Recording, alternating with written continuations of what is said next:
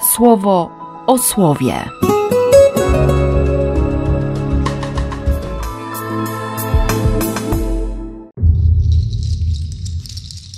7 grudnia, wtorek. Tu już nie ma obietnic, tu są konkretne polecenia. To jest rozkaz. Pocieszcie mój lud. Przemówcie kapłani do serca Jeruzalem, dodajcie mu otuchy. Tak się od razu zastanawiam, jak wygląda moje przemawianie. Czy mam nawet nie tyle tę zdolność, ale pragnienie serca, by dodawać otuchy, bez względu na to, do kogo przemawiam. Tym bardziej, że w kolejnym wersecie Bóg mówi: Jego upokorzenie się dopełniło, grzech został odpuszczony, przyjęło podwójną zapłatę za swoje uchybienia. Dodawać otuchy upokorzonym, grzesznikom, no, głos nawołującego na pustkowiu jest konkretny. Przygotujcie drogę. Wyrównajcie. Wtedy każdy będzie mógł zobaczyć nadchodzące od Boga ocalenie. Tak bowiem Pan orzekł. A to, co orzekł nasz Bóg, trwa na wieki.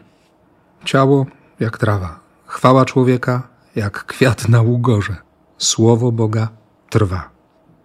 Bóg się nie wycofa, nie zmieni zdania, nie zrezygnuje, nie odwróci się, nie powie, że już ma dosyć, nie machnie ręką, nie spisze na straty. Jest jak pasterz, który swoim ramieniem przygarnia baranki, niosącym w swym łonie młode dodaje sił.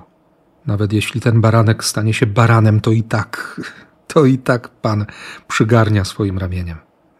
Nieraz musi tych czupurnych chwycić trochę mocniej, ale, ale cieszy się. No, no cieszy się.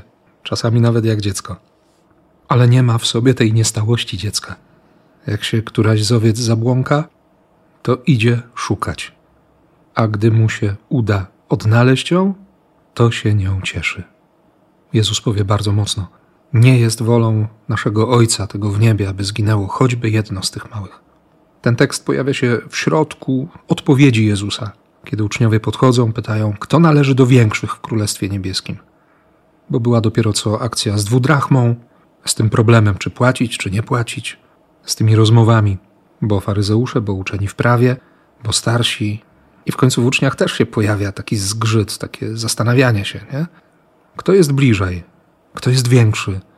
Ci, co są bliżej, tak bardzo realnie, co mają na wyciągnięcie ręki świątynię, co zgłębiają słowo, mają w małym palcu Talmud, nie mówiąc o, o Torze, o pismach czy o prorokach.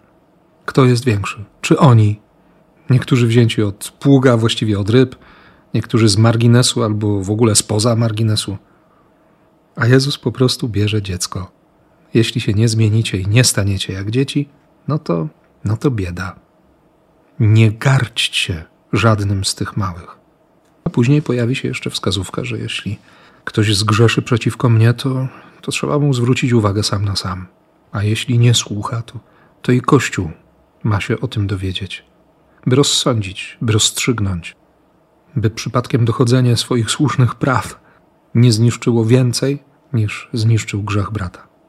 I gdzieś pomiędzy tym wszystkim pojawia się zdanie, że, że nie jest wolą Ojca w niebie, aby zginęło jedno, choćby jedno z tych małych.